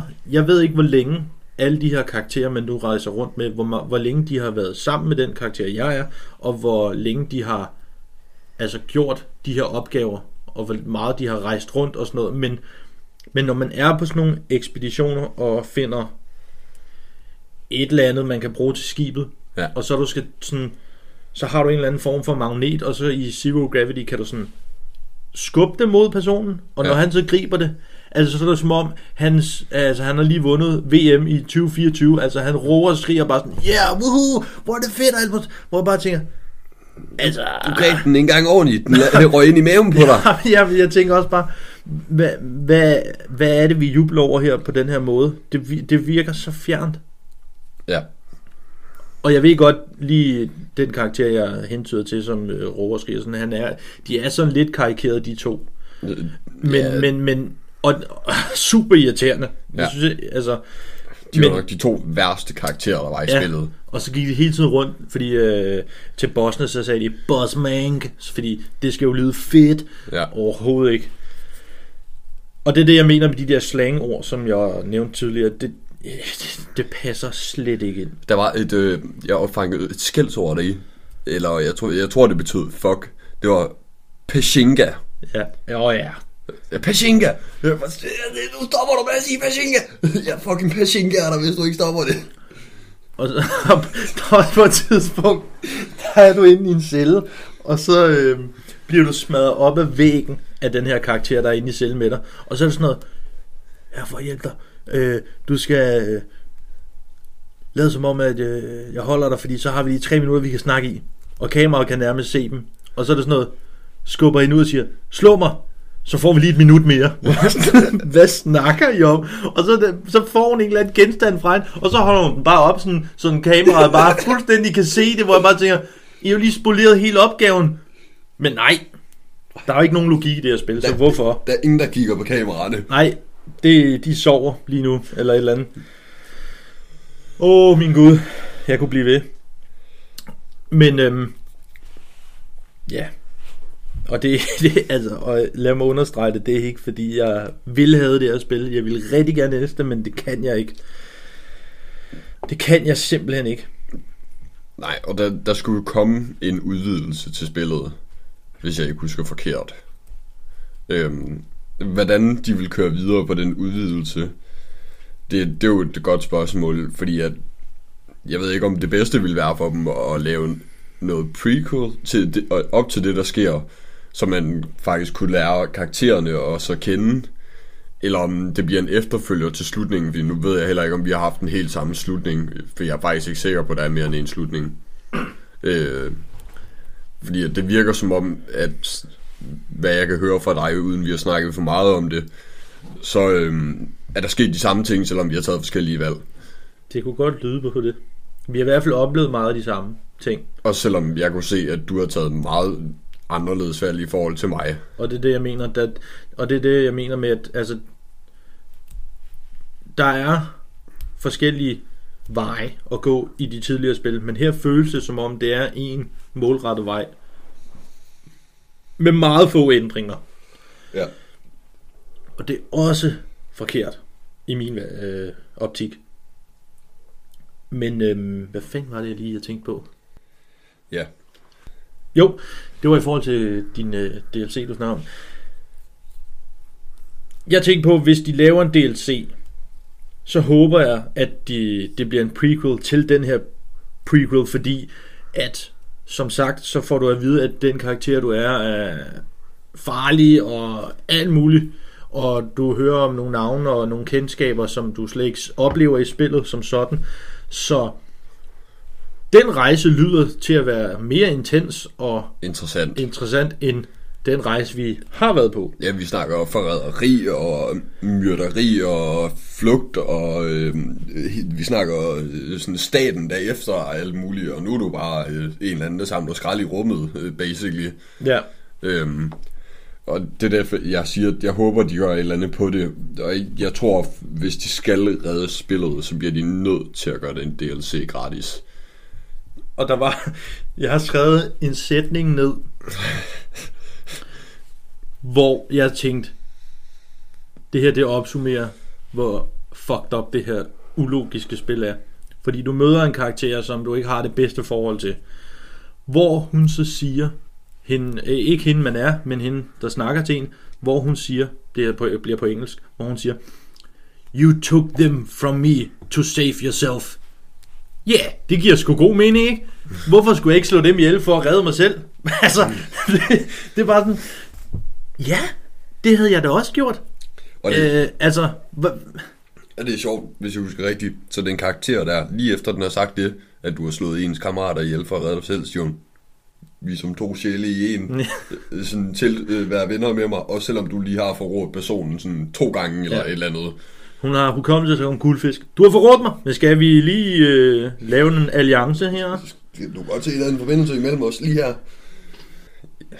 Det er, Det er svært at snakke om, uden at spoil Ja. hele historien, fordi at, ja, vi er ved at være nå- nået til det punkt, hvor hvis vi, hvis vi siger mere... Øh, så spoiler vi for Ja. øhm, For at give en sammenligning til de tidligere spil, hvis nogle af dem, nogle af jer har spillet det, så mangler jeg for eksempel en Kenny fra The Walking Dead. En person, du holder ret tæt på kroppen, og du får lov til at dele masse historier med personen, og også kommer op og toppes, og tager nogle svære valg med personen, og rundt om personen. Det er sådan lidt det, jeg mangler øh, i det her spil. Og det, vær, og, ikke- ja, og det værste er, den karakter, man er, er så dødssyg. den er mega tør. Hun, hun, hun bliver beskrevet som badass, men jo jo, du, du kan tage nogle badass valg, men du ved bare ikke, hvorfor hun er badass. Hvad har hun gjort? Du får det i meget små bidder, Ja. som slet ikke er nok til at, at kan danne sig sin egen mening heller bare, for at tænke, okay, hvad, hvad kunne hun have gjort, sådan, øh, der ville gøre noget, og du, du, ud over det hende der, den ulogiske siger med, you took them from me. Ja. Men øhm, uden at spoile mere, så, eller jeg har ikke mere, uden at det begynder at blive noget spoileri. Jeg ved ikke, om øh, du har mere. Øh, nej, jeg kan ikke spoil noget, men for at give en sammenligning til, hvis man for eksempel ikke har spillet øh, The Walking Dead-spillene, men man har spillet øh, Borderlands-versionen, så øh, mangler man en Fiona, øh, hvor man selv er Reese, for eksempel. Det er også en person, du, kommer, du er enig med, men er enig med, man arbejder sammen med. Der er noget kærlighed imellem, men man hader hinanden. Et øh, hadvenskab, kan man vel godt kalde det. Noget, der giver noget karakter til karakteren i sig selv. Ja. Det, det er sådan noget, man mangler. ja. Nå, skal vi ikke øh, bare hoppe til konklusionen i stedet for at sidde og mumle i ordene og... Jeg gentager os selv, Ja, selvom det kommer i konklusionen. ja. Nå, øh, skal du starte? Mere, mere øh, velopskrevet. Ja. Man kan tydeligt mærke Telltales turbulente eksistens gennem de seneste år. Det største problem er deres manglende, manglende DNA. Dernæst deres længder på episoderne. Du får på intet tidspunkt lov til at dvæle ved situationerne, mærke en karakteropbygning, eller for den sags skyld holde af nogle af de karakterer, der er med, eller have dem. Jeg mangler for eksempel min Kenny fra The Walking Dead. Spillet har for travlt og skaber nogle små plothuller, som sagtens kunne have været med. Dialogen er også elendigt fortalt, og af en eller anden grund tror spillet, jeg kan spansk, eller hvad fanden det nu er for et sprog. De mærkelige slangudtryk, der kommer, er så langt fra studiets ellers respekt for dialog og historiefortælling, og på intet tidspunkt følte jeg noget eller var investeret. Spilmotorens opgradering er lidt det, der taler spillet op, men igen synes jeg, deres oprindelige tegneseriestil er Telltales DNA, og dermed også noget, jeg savner. Oprigtigt talt er jeg meget ked af det her, fordi jeg elsker The Walking Dead og The Wolf Among Us, og jeg håber snart, de kommer på rette spor. To ud af seks stjerner. Ja. Øh, Telltales The Expanse var et spil, jeg var spændt på. Men efter lige knap 4 timer over 5 episoder, er jeg mildest talt skuffet. Det er nok den værste historie, jeg har hørt øh, fra nogen i serien.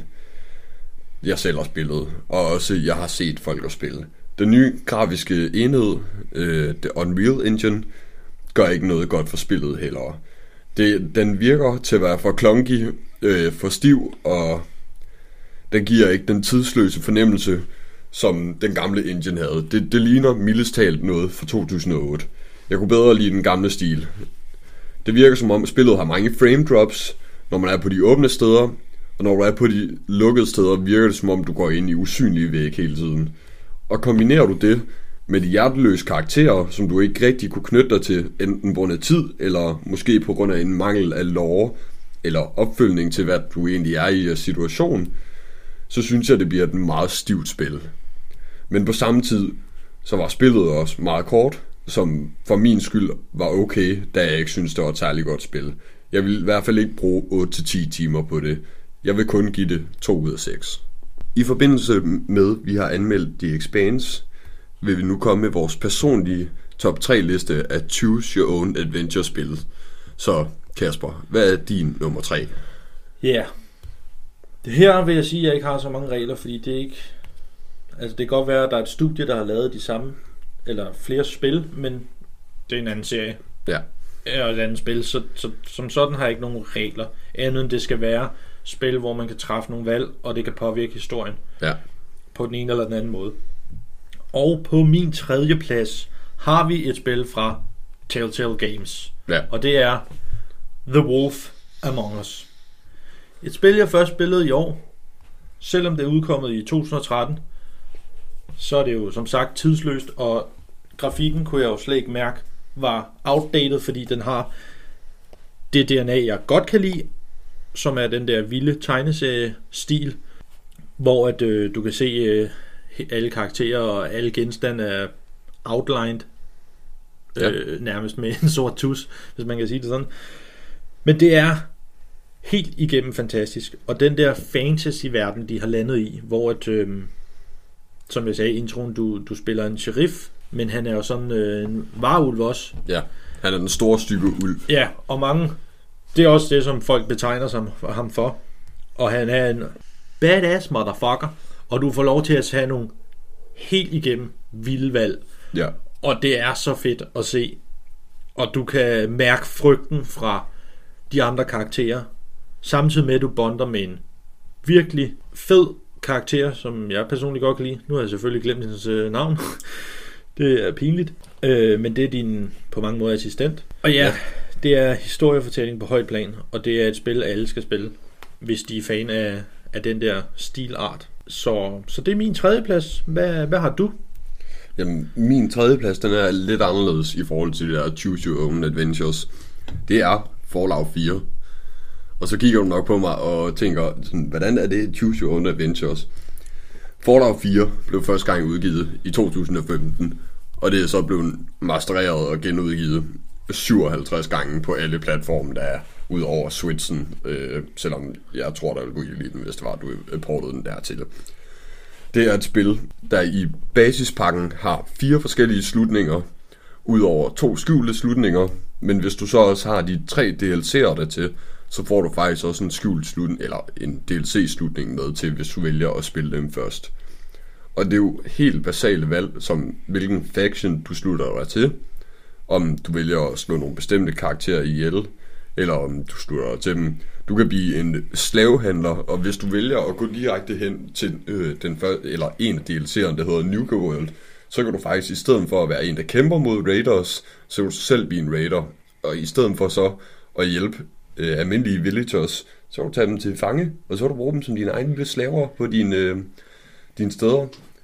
Og så er det et spil, jeg har brugt, vi snakker 1200 timer i, eller et eller andet. Og mit sidste game, jeg havde på computeren, der var modded the shit out of, det var jo corrupted, og det var på 220 timer, og det så du jo selv sidste gang, jeg gik ind i det. Der var jeg lige ved at give mig til at græde. Øhm, det er min nummer tre. Ja. Ikke et valg, jeg havde regnet med, fordi jeg mere tænkte det som en subgenre, men øh, fair nok. Jeg har på min anden plads valgt endnu et spil fra Telltales. Men jeg har kun valgt en sæson, fordi at hvis du pakker hele spillet sammen, så vil det efter hver sæson falde en lille bitte smule i kvalitet. Og fordi Wolf Among Us kun har en sæson, så tænker jeg, så skal den her også kun have for den ene sæson. Og det er sæson 1 af The Walking Dead. Den ja. er så fucking fantastisk. Og jeg græd i slutningen af det spil.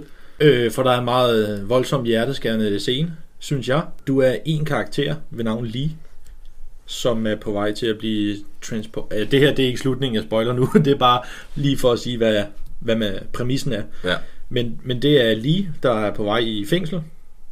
Og ud af det blå kommer der en zombie ud på motorvejen, og de kører galt. Og der er selvfølgelig zombieudbrud, ingen ved det. Men øh, derfra så stikker det ligesom af. Allerede i starten så øh, møder man en lille pige, hvis forældre er væk. De er i Savannah. Jeg kan, faktisk, jeg kan ikke lige huske, hvad by man er i, da man starter, men, men de er langt væk. Så hende tager du egentlig under vingerne, og så er det bare en lang rutsjebanetur af vanvittige valg, følelsesmæssige valg og svære beslutninger, og at du skal hjælpe den her pige til sine forældre Ja for at opleve en meget hård skæbne til allersidst. Og øh, sæson 1 er den bedste, sæson 2 er nummer 2. Og øh, ikke lige så god, men det er meget tæt på.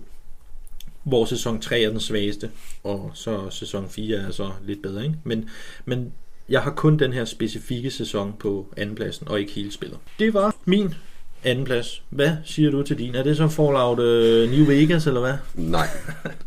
Min andenplads det er Telltales Poker Night at the Inventory. Det er et spil udgivet af Telltales i de tidligere dage. Det udkom i 2010. Det er en, øhm, det er en, det er en sjov lille øhm, kategori, fordi det er egentlig et pokerspil, men ligesom alle ved, så i øh, poker, der skal du ligesom tænke dig om, øh, for ellers rører du ud. Det, det hele det handler egentlig om, at øh, der er fire karakterer fra kendte universer. Der er Tycho for øh, Penny Advent, eller Penny Arcade. Der er Sam, eller der er Max, for øh, Sam and Max øh, franchisen. Der er Rød Heavy fra Team Fortress 2. Og så er der Strong Bad for Home Runner, eller Home Star Runner. Øh, det hele det foregår nede på en hemmelig lille øh, natklub, hvor de, folk de spiller poker. Du kommer så ind som en newcomer, og så skal du spille poker imod de her fire karakterer, hvor du lærer deres mørkere sider at kende. Og på et eller andet tidspunkt i løbet af tiden, så øhm, åbner de lige stille op for dig. Og øh, når de løber tør for penge i sidste ende, så begynder de at sætte personlige ejendel, indtil de så bliver smidt ud, fordi de er fallitte. Men det er helt dybe i det er, eller den anden ting i det er, det er, at hvis du ryger ud i løbet af spillet på et eller andet tidspunkt, fordi du går fallit eller ikke har flere penge tilbage, så er det roguelike, fordi at så starter du hele spillet forfra igen. Og så er der jo de små historier, du hører imellem øh, de forskellige karakterer og ting, du ikke øh, hører i andre spil. For eksempel, der er nogle små lore pieces og sådan noget. Og jeg synes, det er et rigtig interessant spil, Telltales, de har lavet.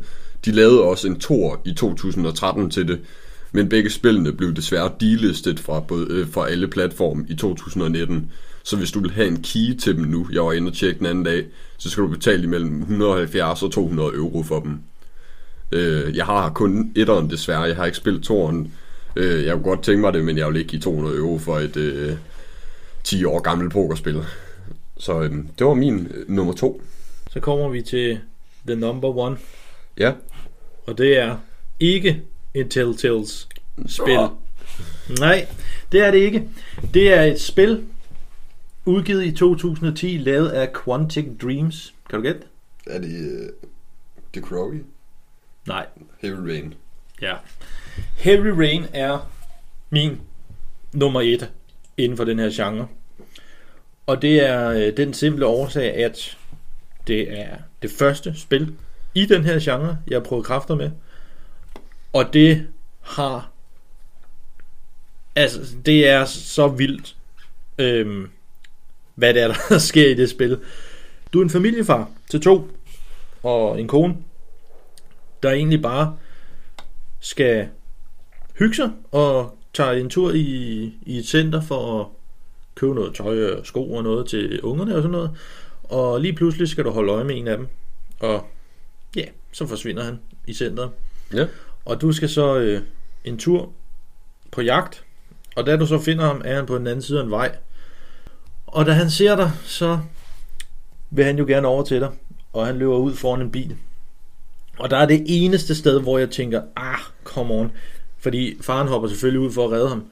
Men faren hopper sådan, så faren drejer mod bilen, hvor jeg tænker, så kan drengen vil måske godt overleve, eller faren vil måske dø. Men nej, barnet dør. Super trist, for det sker inden for de første 20 minutter eller sådan noget. Ja, okay. Øh, så er vi ligesom i gang. Og det resulterer så i, næste gang man øh, er faren, så er det så en øh, meget grå regnværsdag. Fraskilt og har barnet hver 14. dag. Og øh, i hele det her univers lukrerer en øh, origami-kælder, der ja, smider origami-figurer til de lige han nu efterlader. Og øh, du spiller fire forskellige karakterer. Faren, en øh, FBI-agent, en detektiv og en øh, journalist. Og måden de fire karakterer sådan bliver involveret i hinandens historier. Og øh, du ved, altså det er, jo, det er jo på mange måder et whodunit spil, hvor du først finder morderen til sidst selvfølgelig. Og noget af det fedeste ved det her spil, hvor min, min hjerne, den, altså den blev helt mindblown, det er, hvis din karakter, du er, dør, så er karakteren død. Så ja. fortsætter spillet med de tre andre. Og, og altså, det var, det var helt vildt, at, og, og der kan du snakke om konsekvenser Ja. kontra The Expanse. Og det hele setting med, altså det regner hver dag, og han, origami-killeren dræber sin, øh, altså han, hvad hedder det, kidnapper små børn, og det er så også øh, farens anden søn, der overlever. Han, øh, han bliver jo så kidnappet, og så, så er det sådan set det hele historien går ud på. Er sønnen Sean? Øh, ja, det er, Så det er Det den, er- hvor man kan, øh, det er den, der er, der er en bug i det spil, der er kendt for slutningen, hvor man bare kan blive ved med at trykke Sean! Sean! Nå, okay. Hvis man gør det på det rigtige tidspunkt op til en cutscene, så kan du bare blive ved med at trykke, så sker han det hele vejen igennem sådan 10 minutter cutscene eller et eller andet. Nå, ah, det vidste jeg så ikke. Men øh, Jason, det er ham, der dør, og Sean er ham, man skal finde. Ja. Øhm, og ja, så er faren jo bare i... Skal, så skal han jo finde sin søn, fordi han, han får efterladt nogle spor og sådan noget, der gør, at han selv kan involvere sig i det, men han skal lave nogle sindssyge valg, og, og det er vidderligt sindssyge valg. Og det spillet er lavet i med en form for fotorealisme. Desværre er det ikke ældet så godt, så hvis du sætter dig og spiller det i dag, vil det virke ret gammelt. Ja. Og jeg håber inder, inderligt, at de øh, laver et remake af det spil. Øh, jeg har tit tænkt på, at jeg skulle tilbage og prøve det igen. Men det er helt igennem fantastisk. Og, og, og bare øh, menuen i spillet er så dyster og tragisk på samme tid.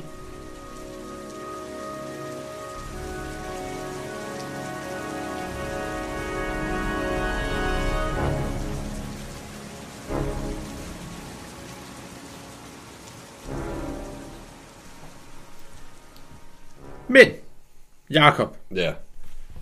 Fallout New Vegas på førstepladsen. Eller Nej.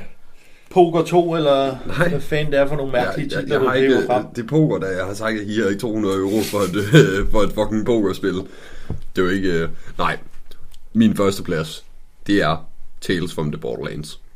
Et spil... Hvad? Ja. Slår det Wolf Among Us? Jamen, Jeg vil ikke gå ind og sige det Wolf Among Us, fordi det er så lang tid siden, jeg har spillet det, jeg ikke kan sammenligne med de andre. Øhm, det, og det synes jeg virker fair. Jeg vil ikke stå og sammenligne en historie, der er for lang tid siden, jeg har spillet. Øhm, Så skulle du da genspille det op til den her toplist. det skulle jeg nok, men det har jeg ikke lige haft Eller set til. gameplay fra det. Det kunne godt være.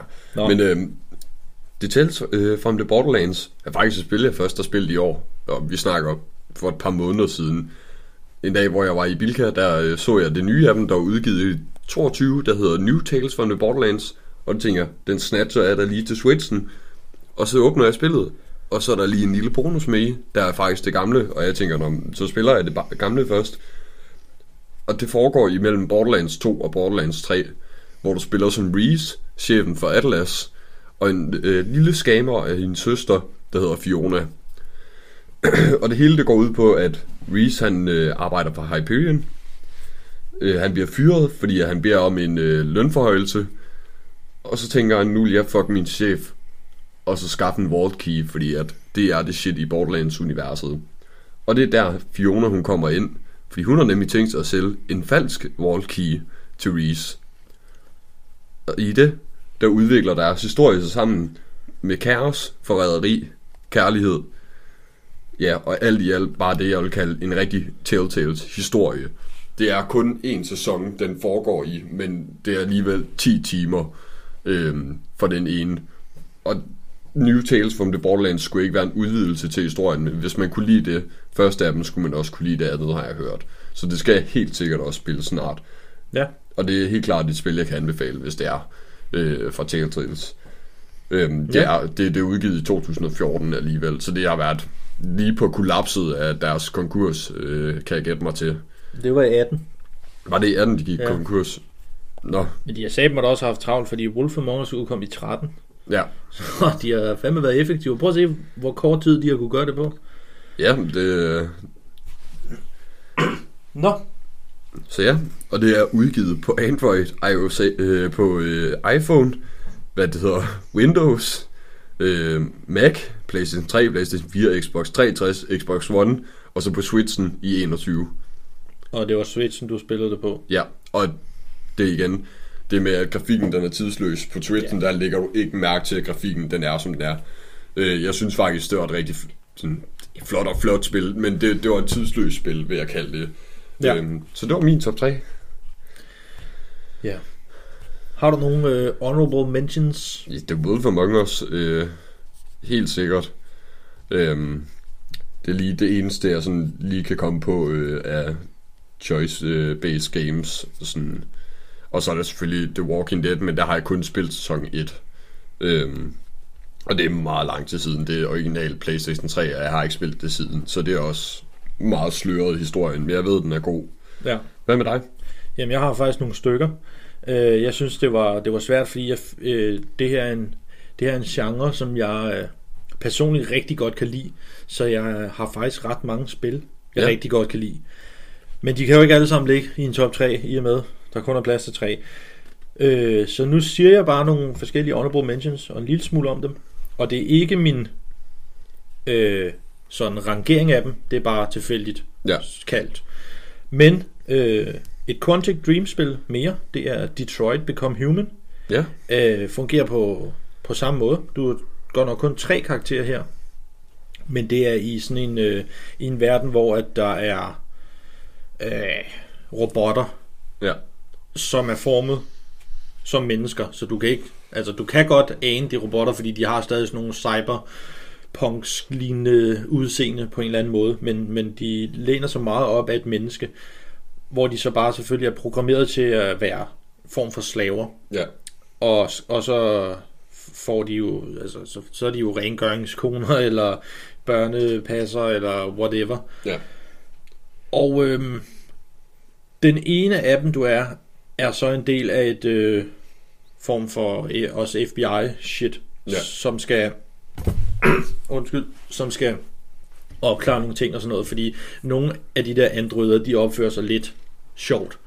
Øh, specifikt er der en, der de, altså, laver noget kriminelt, som, hvor man skal i en rigtig vanvittig, og det er startscenen det her, men en vanvittig fed, intens, øh, I ved, forhandling med en kriminel, hvor Ja. han har en pistol i panden på, en, øh, på, et, på et menneske, hvor du som den FBI-agent skal øh, overtale ham fra at lade være.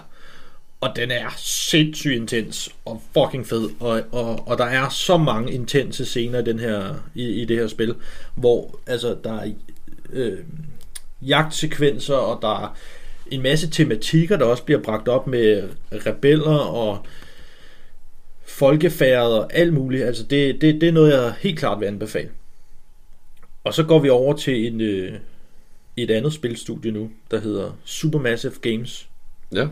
Og det kunne godt have været The Quarry, jeg vil øh, nævne her, men det er faktisk øh, deres første spil, de lavede, i hvert fald i den her genre, og det er Until Dawn. Relativt gammelt spil, men det er en øh, klassisk, I ved, fredag den 13. morderhistorie, hvor en flok teenager tager på skovtur eller whatever, Ja. og så bliver de bare slaughteret en efter en. Det her er så i sne og på en, øh, en øh, forladt skilift, eller hvad hedder det, sk- øh, ski resort, Ja.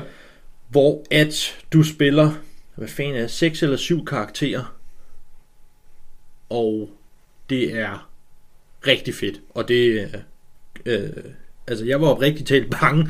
Øh, det er ret skræmmende, og det har også nogle fede øh, måder at dø på, hvis man er så dårlig, fordi igen, der er det, hvis du dør, så er karakteren død.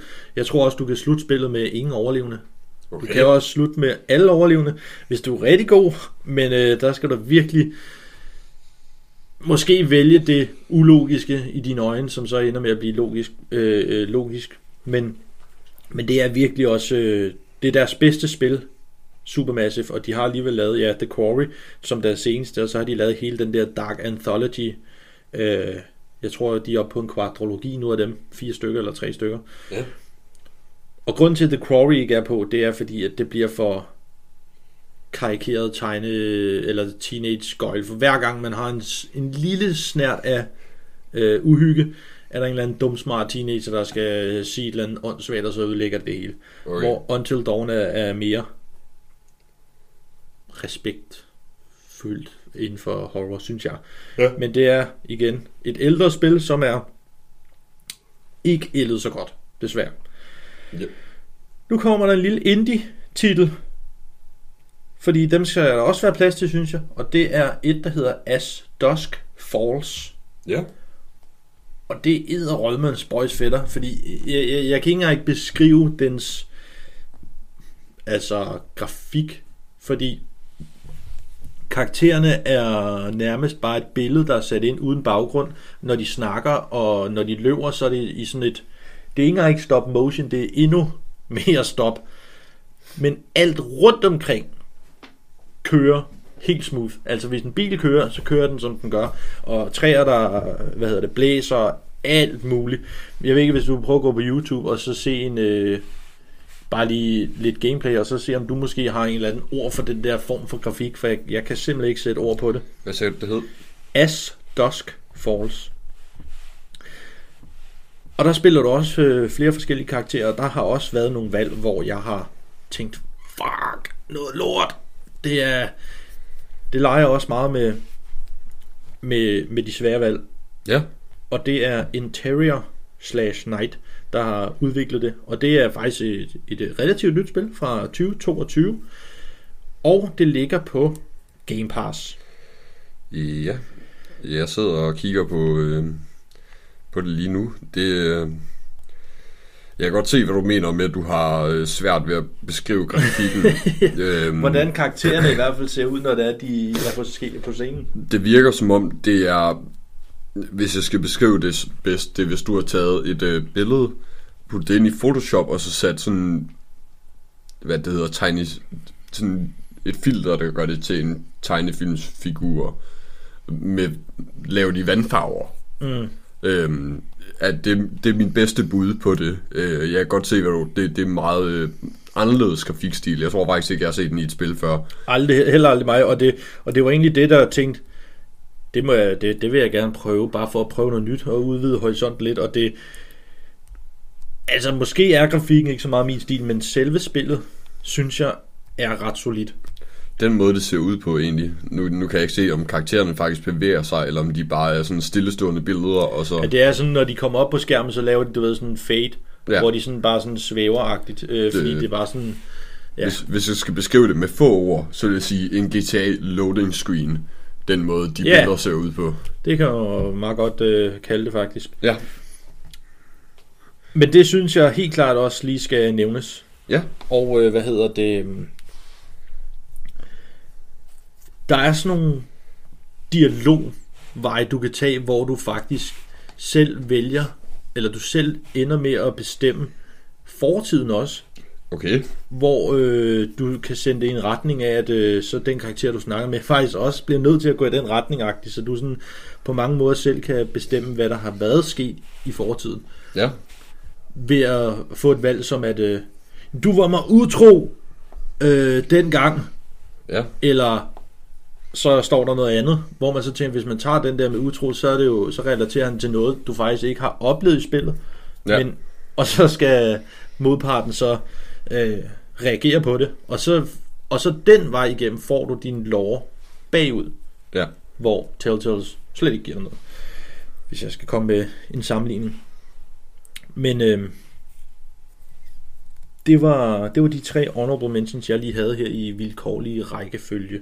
Så skal vi, skal vi prøve at bække sådan fælles sammen? Kan vi det nu? Vi kan godt prøve. Jeg har jo ikke spillet to af dine titler. Nej, og jeg har så heller ikke spillet nogen af dine honorable mentions. Nej, men de er ude af kontekst. Øhm, sådan, jamen, jeg vil godt blive enige om uh, The Wolf Among Us på førstepladsen, hvis det er. Det, Førstepladsen! Ja. Jamen, øh, sådan, øh, det, jeg, vil ikke, jeg vil ikke sige let for det, øh, eller Lad dig med dig lidt for det. øh, det er Walking Dead, øh, fordi det er så lang tid siden, jeg kan ikke huske historien særlig godt. Øhm, jeg vil godt smide den på en anden plads, men... Øh, så Men jeg vil hellere have Heavy Rain på førstepladsen, end jeg vil have Wolf Among Us på førstepladsen. Heavy Rain, den tror jeg, jeg har spillet en enkelt gang for 100 år siden. Hvad var din førsteplads? Det var New Tales. Det har, jeg har faktisk ikke spillet nogen af dine titler. Nej. Jeg har ja, meget lidt Fallout. Øh, Men det er også kedeligt, at alle mine tre er jo på listen jo. men øh, Okay, fordi jeg ved, hvad Fallout er, ja, og jeg kender spilstudiet Bethesda og så videre, så Wolf Among Us på førstepladsen. ja, Så vil jeg gerne sige Heavy Rain på andenpladsen, og så Fallout på tredjepladsen. det kan jeg godt gå med til. Okay. Det er en øh, færre beslutning, så vil du lige opsummere øh, top 3'en? Ja, så Spildykkernes fælles top 3 bliver Fallout 4 på tredjepladsen. Yes. Heavy Rain på andenpladsen, og Telltales Wolf Among Us på førstepladsen. Og en lille bonusinfo, det er, at Telltales arbejder jo faktisk på et Wolf Among Us sæson 2. Som skulle Skal vi lige... Øh, hvornår? Øh, jeg er ikke sikker, men det skulle være øh, start næste år, hvis jeg husker rigtigt. Jeg kan lige hurtigt tjekke den op, hvis det er. Øhm, Men skal vi lige danne os en mening om det, nu når vi har spillet det her, vi lige har spillet? Telltales uh, The Expanse? jeg håber ikke, at de kører på den nye engine. Nej, de skal gå tilbage, fordi at, og det er udelukkende, fordi Wolf Among Us sæson 1 var den grafik, så den DNA skal de fortsætte med. Ja. Men jeg er sat mig også bange for historien, efter Telltales historie. Ja. Øhm, Jeg er meget skeptisk, og jeg er meget bange. Det må jeg jeg bare sige. kan sige, de har ikke givet et udgivelsestidspunkt endnu, men de lover, eller de skriver, hvad jeg kan se her, at det skulle komme first quarter øh, 24. Jamen, det er jo så inden marts Ja. 24. Øh, men det er jo, hvad de skriver, og det har været cancelled en gang øh, Ja. i forvejen, så det var så lige der, de gik konkurs igen. Ja. Ja. Eller ikke igen, men da de gjorde det første gang, da de gjorde det, jeg skulle til at sige første gang, de gør det igen. Øh, det er i hvert fald, hvis de fortsætter med at lave det i Expans, så kan det godt være, at de går konkurs igen. Ja. Øhm, så, øhm, men det, det kan jo være, at det er noget, vi kommer til at anmelde, hvis det er. Ja, nej, det bliver, ja, det, Det- bliver det. ja. Det skal det. Øh, Det skal have opmærksomheden. Så må vi se, hvor god den opmærksomhed bliver. Jeg glæder mig personligt til det i hvert fald. Jeg ville ønske, at jeg kunne sige det samme, men jeg er fucking skeptisk efter det lort, vi har anmeldt i dag. Der er forskel på at glæde sig, og så på at være nervøs for resultatet, ligesom med PD3 og mig. Jamen, jeg ved slet ikke, om jeg har lyst til, at de skal gøre det, før de får sat sig selv på rette kurs. Men det kan også godt være, at de har set... De, de, den skulle vist ikke have den bedste Metacritic, det expands. Jeg håber, at der er rigtig mange fans, der brokker sig over Engine, sådan, så de vil med 100% i hvert fald gå tilbage til den gamle ved Among Us Ja. øh, 2. Wolf Among Us, ikke Among Us, fordi det er et helt andet spil. Men det, det selvfølgelig glæder jeg mig jo til at se, hvad det ender ud i, men, Ja. men ja, jeg er meget nervøs og bange for, at det ender i en kæmpe fadese. Ja, det kan jeg godt forstå. Det var det for denne episode. Og næste gang i øh, den tredje advent i december, kan vi jo så øh, se frem til en anmeldelse af Payday 3, og så en top 3 over co-op-spil mod AI. Så tusind tak, fordi I lyttede med. Husk at like, del, anmeld os på din lokale øh, podcast-platform. Vi er også på Facebook, Twitter, X og Instagram.